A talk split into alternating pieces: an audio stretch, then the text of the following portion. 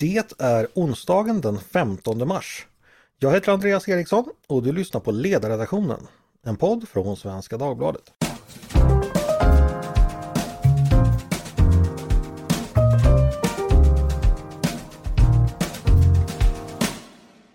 Varmt välkomna till oss. Idag meddelade SCB att inflationstakten på årsbasis är 12,0 procent i februari en ökning från 11,7 i januari. Och månadsförändringen mellan januari och februari var 1,1 procent.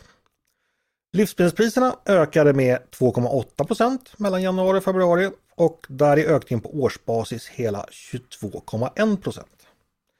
De här höjda livsmedelspriserna har blivit föremål för stor medial uppmärksamhet förstås, grävt djupa hål i våra plånböcker och också blivit föremål för politisk diskussion. Varför har eh, livsmedlen blivit så mycket dyrare? Och kan och eller bör politikerna göra någonting åt det här? Eh, att försöka stoppa vidare höjningar helt enkelt. Det ska vi prata om idag och med mig för att göra det har jag Lars Jonung, nationalekonom, professor emeritus och verksam vid Knut Wicksells Centrum för finansvetenskap vid Ekonomihögskolan i Lund. Han har varit sakkunnig i den statliga prisregleringskommittén eh, mellan 1977 och 1981 och också skrivit en bok om hur svenska företag påverkades av prisregleringspolitiken under 70-talet och dessutom en rad rapporter om priskontroller och pristak. Han har också suttit i Finanspolitiska rådet vars ordförande han var mellan 2011 och 2013. Varmt välkommen hit Lars! Tack så mycket! Och dessutom på allting annat så um, tror jag, eller vi har precis rätt ut här innan inspelningen att Lars var min lärare i nationalekonomi på Handelshögskolan en gång för för länge sedan. Eh, men det har både han och jag eh, glömt bort. Så att, eh, men vi nämner ändå det för, för, för lyssnarna att detta förhållande en gång har ägt rum. Så det jag kan om makroekonomi det har Lars en gång i tiden lärt mig. Hörni, eh, jag tänkte alltså att vi skulle börja prata om inflation. Det har vi gjort många gånger förr i podden, så jag tror lyssnarna har ganska bra koll, men det är aldrig fler fel med repetition. Lars, varför har priserna stigit så mycket under den här, det senaste året? Vad, vad är de huvudsakliga förklaringarna? Den främsta förklaringen och den helt dominerande förklaringen är kriget i Ukraina. Varje krig, om det så är i Sverige, på att säga, eller i vår omvärld, medför stigande priser. Och nu har vi sett hur oljepriset har stigit, livsmedelspriserna har stigit och en lång rad andra råvarupriser har eh, gått i höjden. Och det är fullt naturligt att för en liten öppen ekonomi, så beroende av import och export som det svenska, kommer också de svenska konsumentpriserna att stiga. Och det ser vi väldigt tydligt när vi jämför inflationen i Sverige med inflationen i resten av de nordiska länderna, inflationen i hela euroområdet. Vi har en inflation kring 20, ja, eh, beroende på vilka priser vi ser på matpriserna, kring 20 procent för närvarande.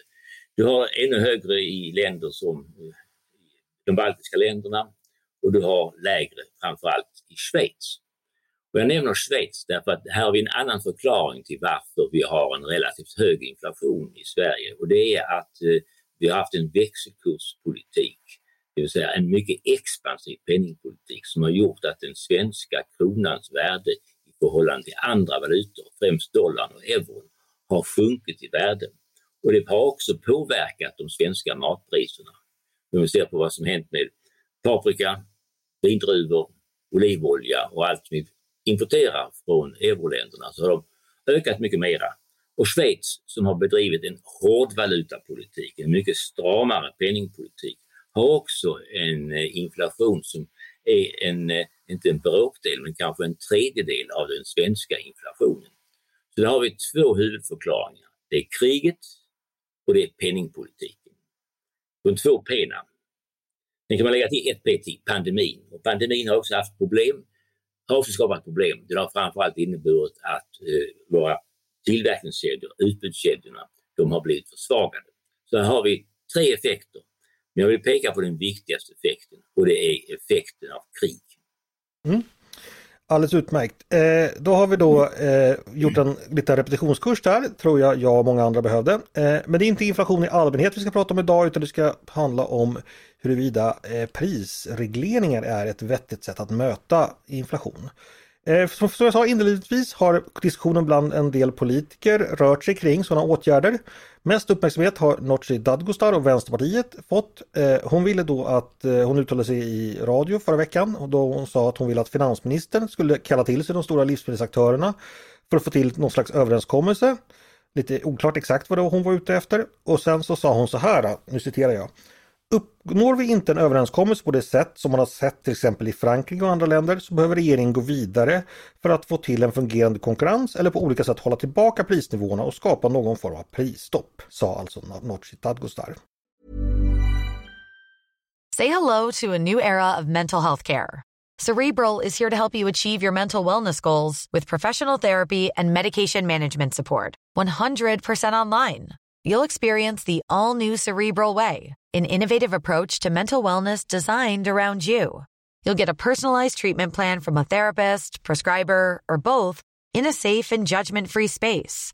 Your cerebral therapist or prescriber will outline a customized plan with clear milestones along the way so you can get to feeling your best. With Cerebral, you're not alone in your mental health journey. We're here to empower you to live a fulfilling life.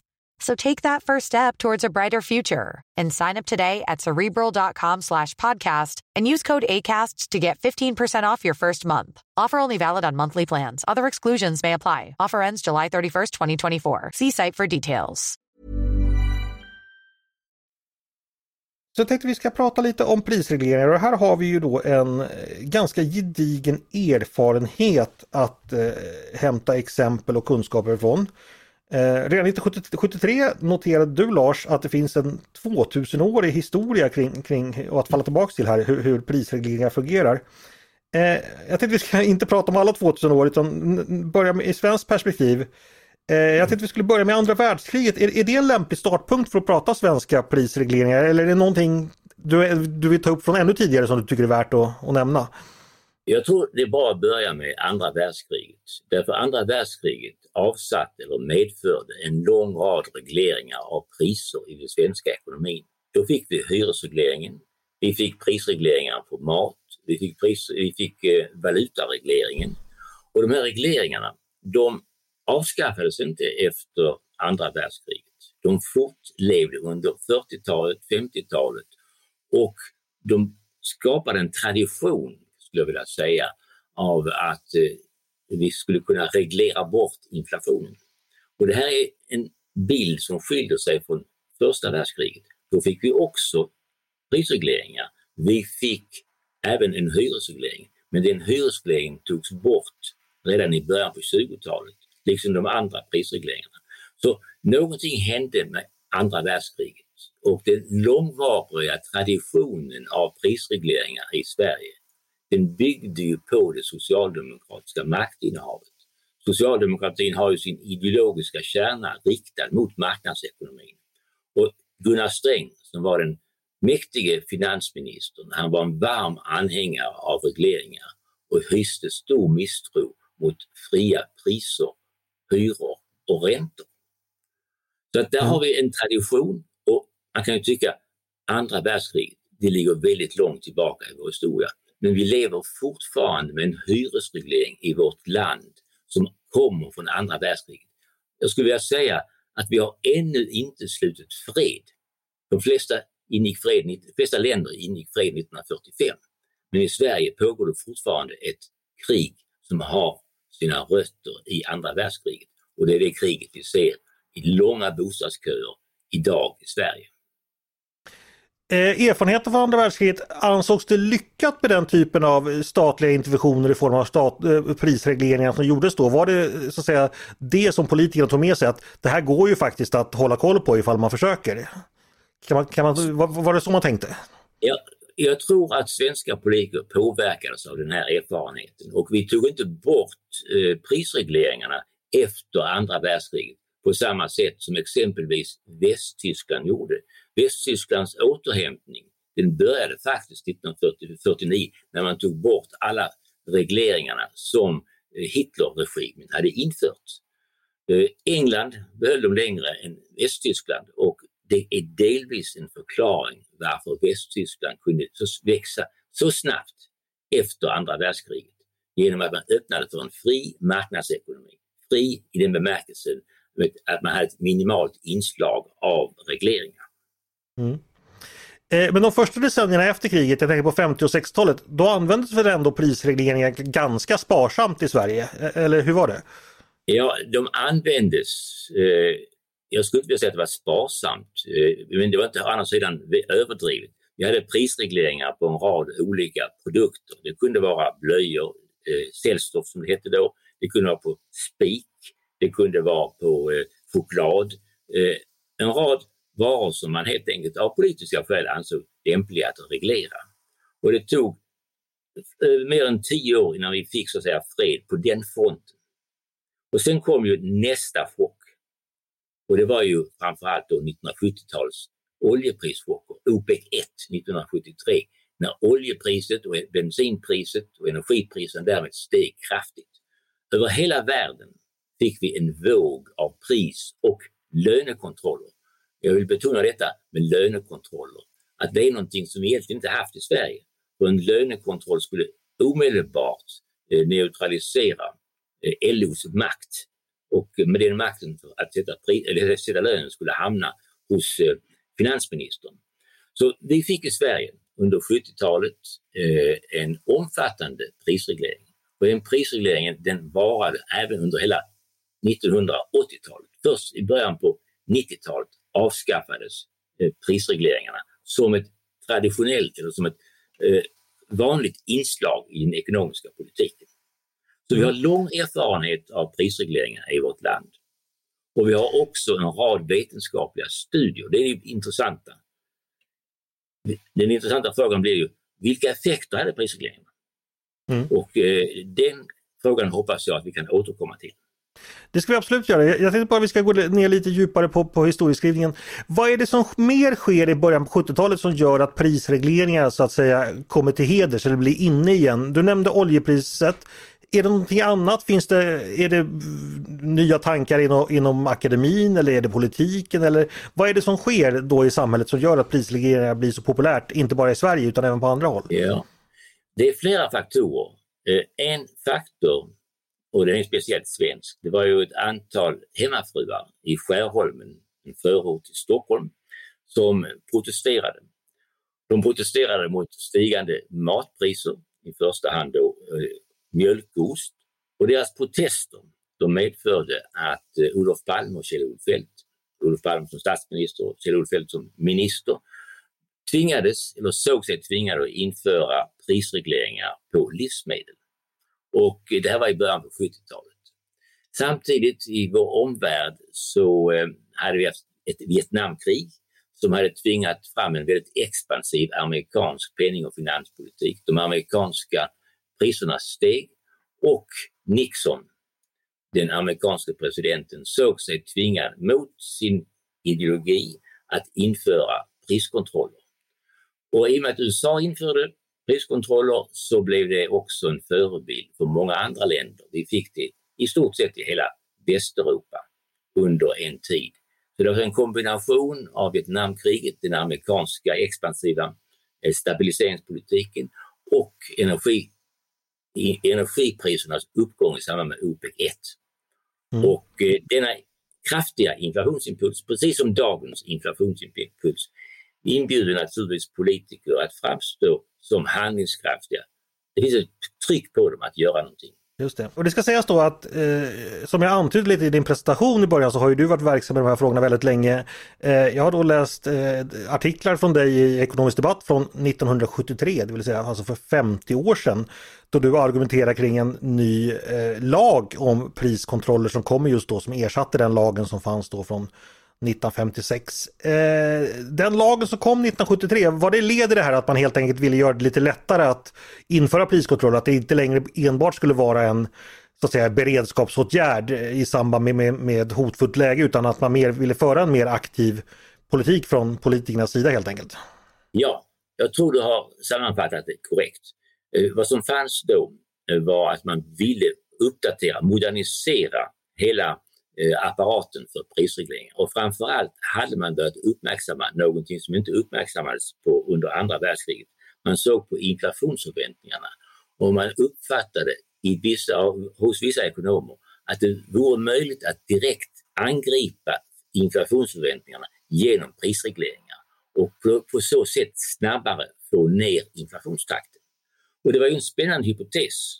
Det var en ny hypotes och eh, den kom då att ligga till grund för argumenten för prisregleringar. Och sedan mm. kom den också då att ligga till grund för en granskning utav de faktiska effekterna av prisregleringarna. Men, men, då kan vi då titta på facit och då är det ju så att eh, få perioder i vår historia har ju präglats av så mycket inflation och prisökningar som just 70 och 80-talet. Det gick helt enkelt inte att hålla tillbaka inflationen med hjälp av prisregleringar. Eh, är det det enkla svaret helt enkelt? Ja, eh, det är det enkla svaret, men det svaret det kunde vi komma fram till genom att vi kunde använda oss av en rad statistiska, så kallade ekonometriska metoder för att granska vilka var de faktiska effekterna utav prisregleringarna på den svenska inflationen. Och jag hade förmånen att samarbeta med Ingemar Hansson, en, en nationalekonom från Lund som senare blev känd som en av våra främsta eh, skattereformatorer. Och vi kunde visa då att effekterna av prisregleringarna var möjligtvis på kort sikt under liksom någon, någon kort period, ett kvartal och så, då kunde man kanske säga att eh, inflationstakten dämpades. Men efter ett tag så var det ingen som helst effekt av prisregleringarna. Och det intressanta var också att i den här prisregleringskommittén som jag medarbetade så tog jag upp just effekten på inflationsförväntningarna.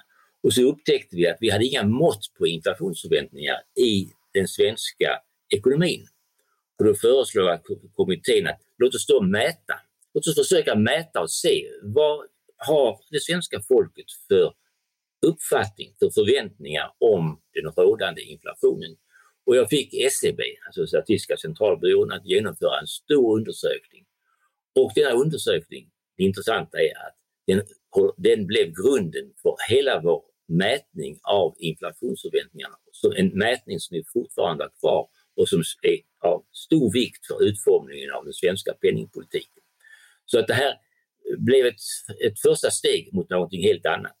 Och det intressanta var att när vi tittade på inflationsförväntningarna så visade det sig då att eh, faktiskt folk förväntade sig en inflation som byggde på vad som de upplevde som tidigare inflationstakt. Men någon effekt av prisregleringarna i det här eh, systemet det kunde vi inte spåra. Så folk tänkte helt enkelt att de pristak som fanns för tillfället, de skulle bara gälla kortsiktigt och i framtiden skulle priserna gå upp ändå för att det hade de gjort tidigare. Det, det var så man... Ja, jag skulle säga så här. När du som konsument kom till ICA eller Konsum, då ser du inte någon prisreglering. Du ser ju inte om det här priset du betalar, är det ett reglerat pris eller är det ett marknadspris? Den effekten av prisregleringen det ser du egentligen först när varan har försvunnit ur sortimentet, det vill säga producenterna finner det inte lönsamt att tillverka en prisreglerad vara längre. Eller eh, ICA-handlaren anser att priset är alldeles för högt, han tar inte in eh, varan i fråga. Så att konsumenterna kan bara få upplysning om pristak, priskontroll eller prisregleringar i någon form genom att de läser om det i massmedia eller ser det på radio, eh, ser det på TV eller hör det på radio. Vad, vad blir då de konkreta, eh, vad händer på en marknad? Om vi ska gå in lite på teorin, när man inför ett pristak. Eh, vad är det nationalekonomin eller ekonomin generellt lär oss? Eh, kan du bara ge oss en kort repetitionskurs på det?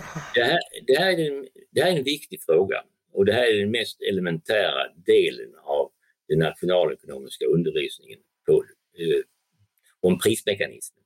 Om man mm. sätter ett pris som är under marknadspriset, då blir det som regel så att eh, konsumenterna, köparna, de efterfrågar mer och producenterna säger oj, nu är det inte längre lika lönsamt som tidigare att producera varan i fråga.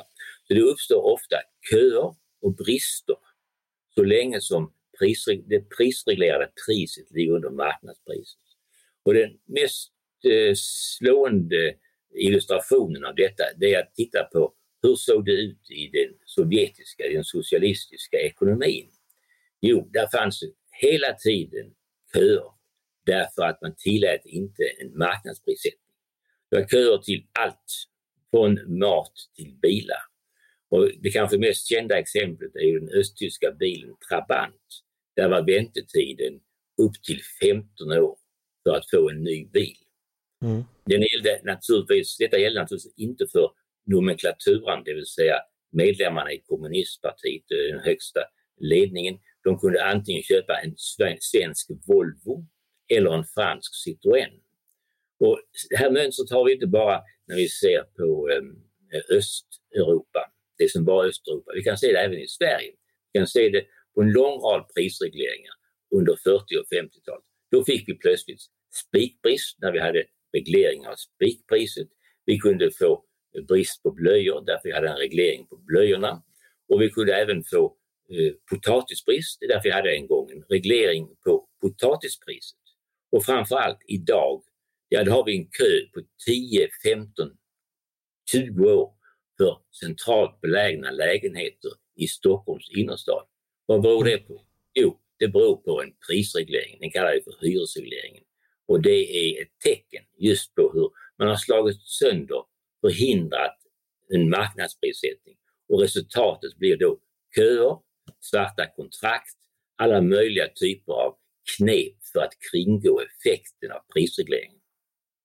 Men jag tänkte, nu nämnde du ju Östeuropa, men, men så illa blev det ju aldrig i Sverige på 1970-talet. I alla fall inte vad jag har hört. Det var inte så att man gick och köpte sitt bröd på, eller socker på, på den svarta marknaden istället. Eh, så att säga, varför gick det inte så illa i Sverige? Var det för att våra prisregleringar var mindre ingripande art? Eller, ja. Vi hade inte prisregleringar på sånt systematiskt sätt som i det gamla sovjetiska systemet.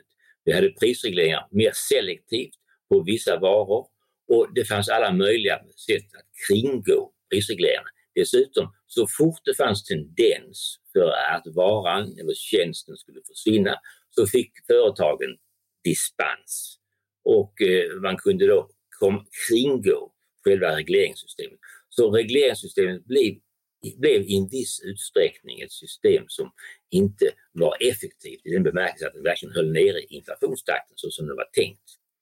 Och, eh, det var uppenbart för de politiskt ansvariga att det gick inte att bedriva en hård prisransoneringspolitik, framförallt inte i en öppen ekonomi. Ett tag så experimenterade den socialdemokratiska regeringen med prisstopp på bensin. Men det är fullkomligt självklart att vilka OPEC-länder, vilka oljeproducenter vill sälja till ett land som inte betalar världsmarknadspriset? Det går inte. Det är en illusion. Så att eh, vi fick inte den typen av eh, köer som eh, vi hade eh, under eh, den hårda regleringsregimen som fanns, säg i Östtyskland. Just det. Men vi hade tendenserna. Hej, I'm Ryan Reynolds. At Mint Mobile, we like to do the opposite of what Big Wireless does. They charge you a lot, we charge you a little. So naturally, when they announced they'd be raising their prices due to inflation, we decided to deflate our prices due to not hating you.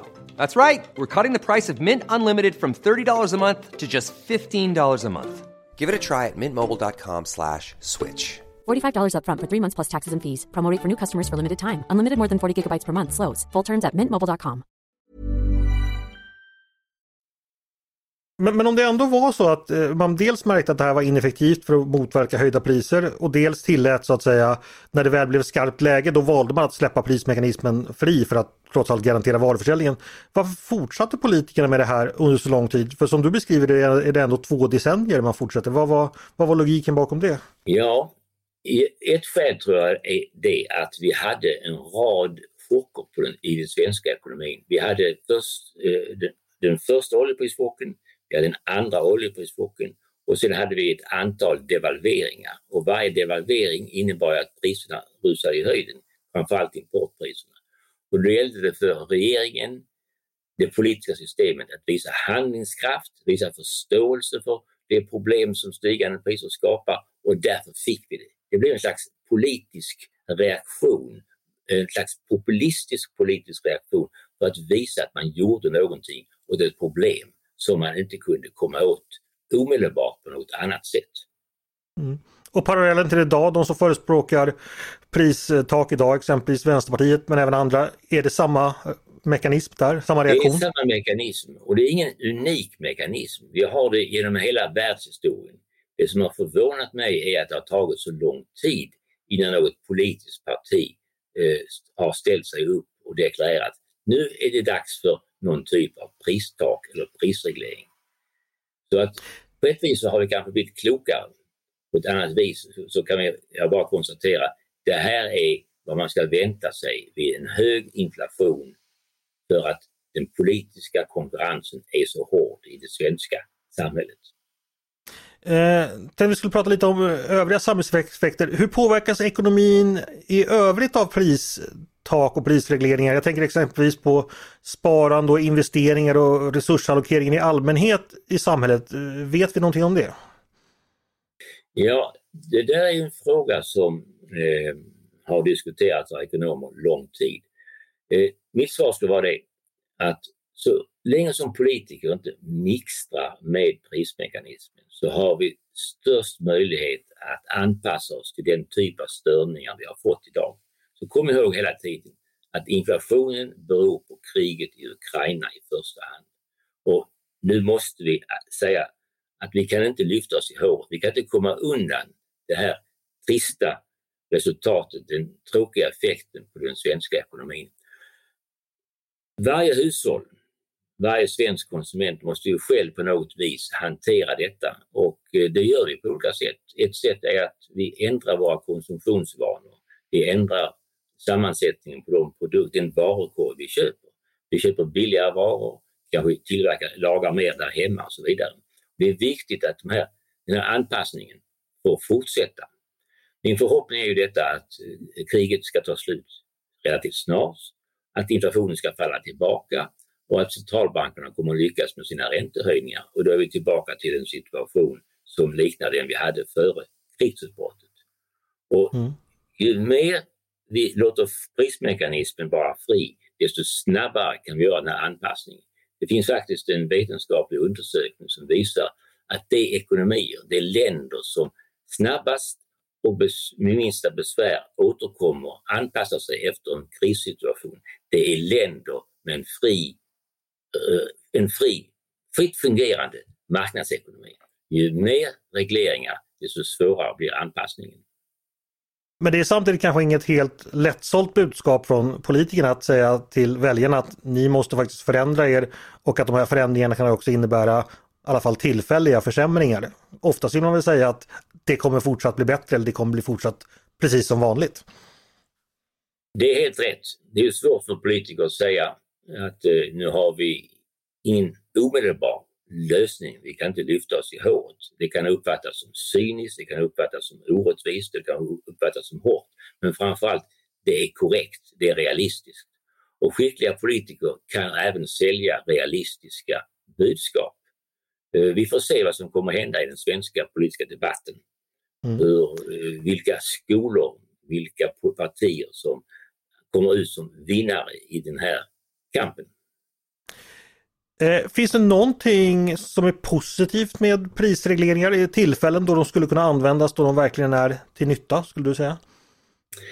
Ja, jag har inte funnit något exempel under fredstid där prisreglering har kunnat vara ett, ett, ett bestående positivt resultat.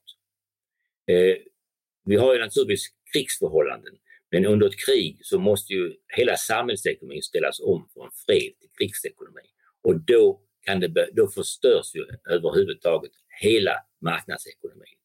Och där, då går vi alltså från ett eh, så kapitalistiskt marknadsorienterat system till något annat, kallat för krigskommunism. Det mm. är en beteckning som användes redan under första världskriget. Eh, där finns det kanske argument för att vi ska ha Eh, prisregleringar. Men idag så lever vi faktiskt i ett samhälle som är öppet, fritt och demokratiskt och vi har inte krig. Så då ska vi akta oss för att använda instrument som är kopplade till krig. Lars, jag är fortfarande lite nyfiken på historien. Vi gick in då på att i början på 70-talet så blev prisregleringar mer populärt. Sen har jag sett att någon siffra att det var 70 till 75 procent av alla privata konsumtionsvaror eh, som ett tag då var påverkade av regleringar. Och som du sa på, på, på gick det här under 80-talet också. Eh, du, du, jag har tagit del av lite bakgrundsmaterial som du skickade till mig när du har debatterat frågan redan på 1980-talet. Bland annat med en viss Erik Åsbrink som var statssekreterare på den tiden. Och ända fram till 1990 så verkar den här diskussionen ha, ha fortsatt för då införde regeringen Karlsson då ett pris och lönestopp. Sen tog det slut i början på 90-talet. Vad var det som hände då som gjorde att eh, politikerna började överge det här som lösning? Eh, kom de på bättre tankar eller vad var, vad var det som hände? Ja, för det första så övergav man i vår omvärld pris och lönekontroller. Det visade sig att de var inte effektiva. Inflationstakten föll tillbaka och vi fick en kris i början på 90-talet och då hade vi en borgerlig regering under Carl Bildt och Anne Wibble och de hade inte prisregleringar som ett instrument. De, helt enkelt av ideologiska skäl eller av kunskap om att prisregleringar fungerar inte, de avstod från detta. Trots att vi hade en djup kris och trots att priserna steg kraftigt genom att vi fick en flytande växelkurs. Men den flytande växelkursen gav oss också en helt ny typ av penningpolitik. Vi fick en inflationsmålspolitik där målet för Riksbanken var 2% inflation. Och Riksbanken kunde uppnå detta mål utan prisregleringar. Så vi övergick från en regleringsregim till en marknadsregim i början på 1990-talet. Och efter detta har vi haft en låg inflation i Sverige under hela eh, för det första och andra decenniet av 2000-talet. Nu har vi drabbats av en kraftig uppgång i inflationstakten och då blir det aktuellt med prisregleringar. Därför att prisregleringarna är en del i det politiska systemets spelregler. Det är lockande, det är attraktivt för politiska eh, aktörer att framstå som handlingskraftiga, som att de vill göra någonting och då tar de till det billigaste av alla åtgärder. Det enklaste knepet, hokus pokus knepet, pristak. Eh, en fråga där, hur var det med, vi bytte ju regeringar under 70 och 80-talet ibland. Det var ju bland annat borgerlig regering 1976 till 1982. Mm. Förde de någon annorlunda politik när det gäller prisregleringar eller eh, var det samma sak? Den borgerliga regeringen fortsatte med pristak men inte i samma utsträckning som den socialdemokratiska regeringen. Och den eh, borgerliga regeringen under Fälldin tillsatte man ju den statliga prisregleringskommittén och den kom ju fram till ett, en rekommendation 1981 att prisregleringarna var ineffektiva, de var skadliga för samhällsekonomin och inför valet 1982 hade den borgerliga regeringen i stort sett nedmonterat prisregleringspolitiken. Sen kom Socialdemokraterna till makten 1982 och började med superdevalveringen och superdevalveringen följdes då av ett nytt prisstopp och sedan så var det ytterligare några prisstopp som man släppte inför valet 1985. Så man släppte inte tanken på prisregleringar. Så det är först när vi fick en borgerlig regering igen i början på 90-talet som prisregleringarna försvann som ett, ett, ett eh, vanligt inslag i stabiliseringspolitiken. Mm. Och när Socialdemokraterna återkom 1994 då hade man även till vänster övergett tankarna på att reglera priserna. Var det det som ja. hade skett då? Då hade vi hamnat i en situation med mycket låg inflation. Och hela inflationsfrågan hade flyttats från Finansdepartementet till Riksbanken. Och Riksbankens politik bygger på fungerande marknader, det vill säga en fri räntebildning, en fri växelkursbildning och ett, inget inslag utav prisregleringar. Det är överhuvudtaget inte förenligt med inflationspolitiken. Nu håller det på att hända någonting. För om det är så att vi inför pristak, ja då flyttas ju penningpolitiken på något vis bort från Riksbanken in i Finansdepartementet, in i det politiska systemet på nytt. Och det tror jag vore en mycket farlig utveckling. Så att hela det så att säga, konsensus som har funnits från 90-talet som du menar då, eller som man kan konstatera har gett oss en väldigt bra ekonomisk utveckling. Det har kommit, hamnat upp på bordet nu igen, alltså att man börjar ifrågasätta det. Är, är det så vi ska förstå dagens diskussion? Ja, alltså?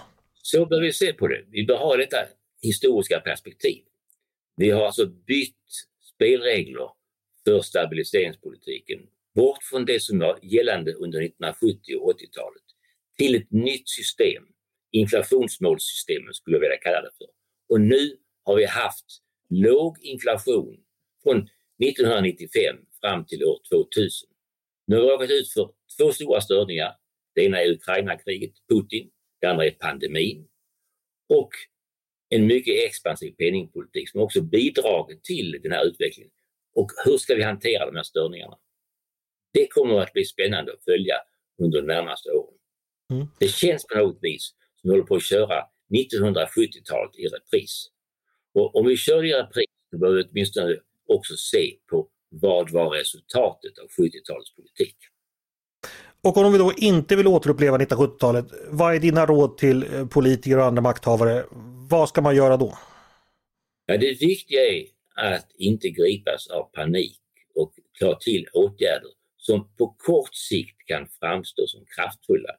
Jag skulle vilja jämföra med eh, Anders Tegnells sätt att hantera coronapandemin. I Sverige hade vi ett minimalt inslag av eh, tvingande åtgärder jämfört med länder som Storbritannien eller Spanien och Italien. Och när vi tittar på resultatet idag så ser vi att politiken att göra så lite som möjligt var framgångsrik. Därför du hade en frivillig anpassning och inte en tving, tvingande anpassning genom lockdowns eller restriktioner. Och idag har vi också alarmister som eh, är högljudda och eh, ropar på åtgärder. Kan vi bara ha is i magen så kommer vi klara oss mycket bättre på lite sikt. Det är min förhoppning. Och framförallt är det min förhoppning att den vetenskapliga evidensen på något vis ska vara vägledande för våra politiker. Eh, om vi tittar ut lite över det samtida Europa. Dadgostad nämnde ju exempelvis eh, Frankrike när hon eh, pläderade för, för ett pristak. Finns det några länder i vår närhet som har infört prisregleringar nu i, följden av, i efterföljden av högre priser? Jag har inte sett några länder som har tagit till prisregleringar i, i eh, någon utsträckning. Och eh, det hade ju naturligtvis märkt i den svenska debatten. Det franska systemet det verkar ju mera vara ett relativt oskyldigt politiskt jippo. Eh, vi får ju se hur det utvecklar sig. Det har ju ofta varit så att man har börjat så försiktigt med så kallade frivilliga överenskommelser. Offentliga pompösa deklarationer att vi ska eh, inse vårt ansvar och inte höja priserna. Och efter ett tag så visar det sig att dessa utfästelser har varit verkningslösa. Och då är nästa steg juridiskt bindande prisregleringar. Vi får se om eh, inflationen i Frankrike kommer att falla tillbaka. Gör den det av sig själv så kommer eh, den här episoden snart vara glömd.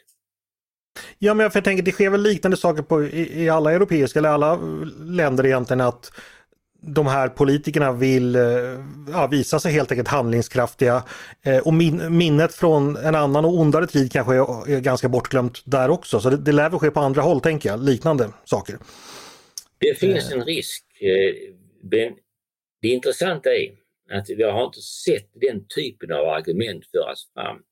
Inte i det amerikanska samhället, inte i, inte i Storbritannien, inte i Västtyskland eller i Tyskland. Så det kan ju vara så att vi har faktiskt fått en markant förändring, framförallt hos eh, national, nationalekonomer rörande möjligheterna att styra inflationen med hjälp av prisregleringar. Och i och med det att vi fått inflationsmålspolitik i hela, vår, hela världen, i stort sett alla större ekonomier har faktiskt inflationsmål, så har vi också fått en annan förståelse för eh, den fria prisbildningens roll. Och därför tror jag det finns ett betydligt starkare motstånd idag än vad som fanns 1900, på 1970-talet när det gäller att stoppa tendenser till prisregleringar. Mm. Men det är min prognos. Jag kan inte lova dig att så här kommer det bli. Men om vi då, vi och våra politiker har is i magen och vi fortsätter utan att ge oss på priserna och fortsätter att eh, ja, agera mot inflationen på andra sätt. Vad ser du framför dig då? Hur länge kommer priserna att fortsätta stiga eh, innan så att vi återgår till någon form av lite mer normal situation igen? Går det att ja, allting diskutera? Hänger, allting hänger på kriget i Ukraina. Skulle vi få fred i den närmaste framtiden så kommer omedelbart eh, priserna att sjunka. Eller inflationstakten kommer att falla tillbaka. Mm. Det, det, är så, det är så enkelt som att säga att inflationen bestäms inte i Sverige.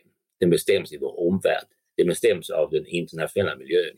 Och ändras den på ett markant sätt så kommer vi också få en annan inflationstakt. Mm. Det är naturligtvis ingen tröst för eh, barnfamiljer, det är ingen tröst för de som eh, har det svårt. Men då finns det andra ekonomisk-politiska åtgärder som kan införas för att hantera eh, de höga matpriserna.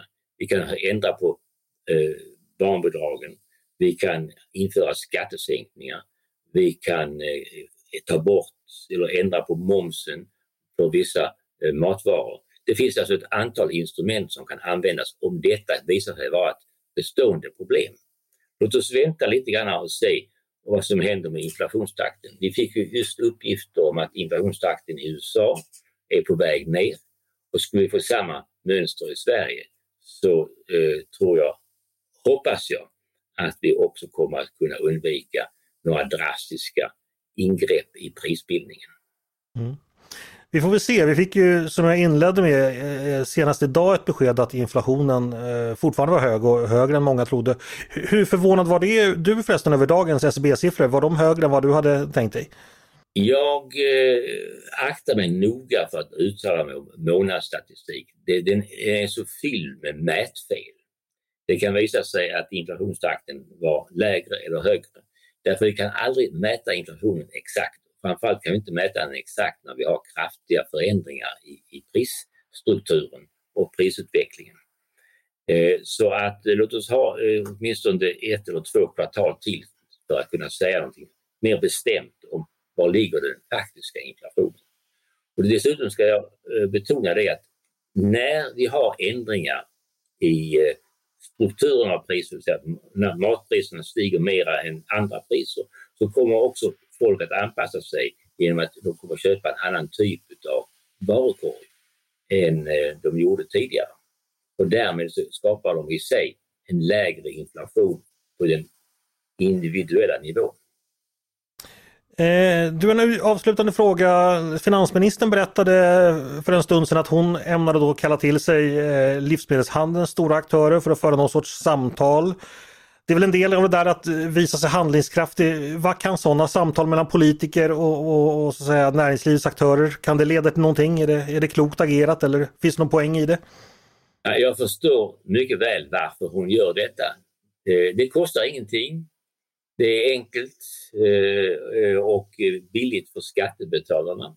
Och det kan uppfattas som att hon visar sig engagerad i frågan. Och eh, eh, jag är förvånad att de inte har, har, träffats tidigare under officiella förhållanden. Men jag väntar mig inte att det här kommer att eh, leda till lägre inflation. Det har aldrig gjort tidigare.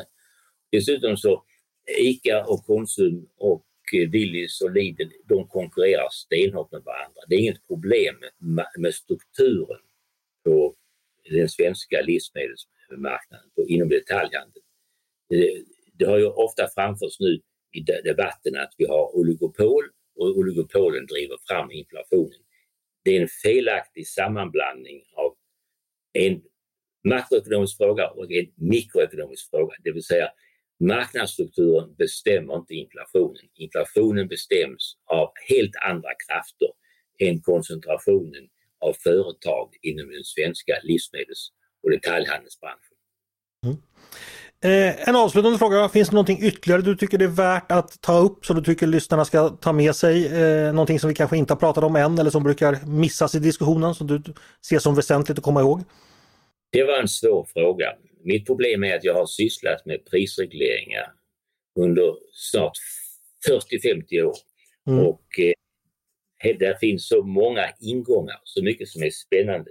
Men jag skulle vilja betona att eh, det är inte prissättarna som skapar inflationen. Det är inte eh, ICA-handlaren eller Coop-föreståndaren som driver inflationen.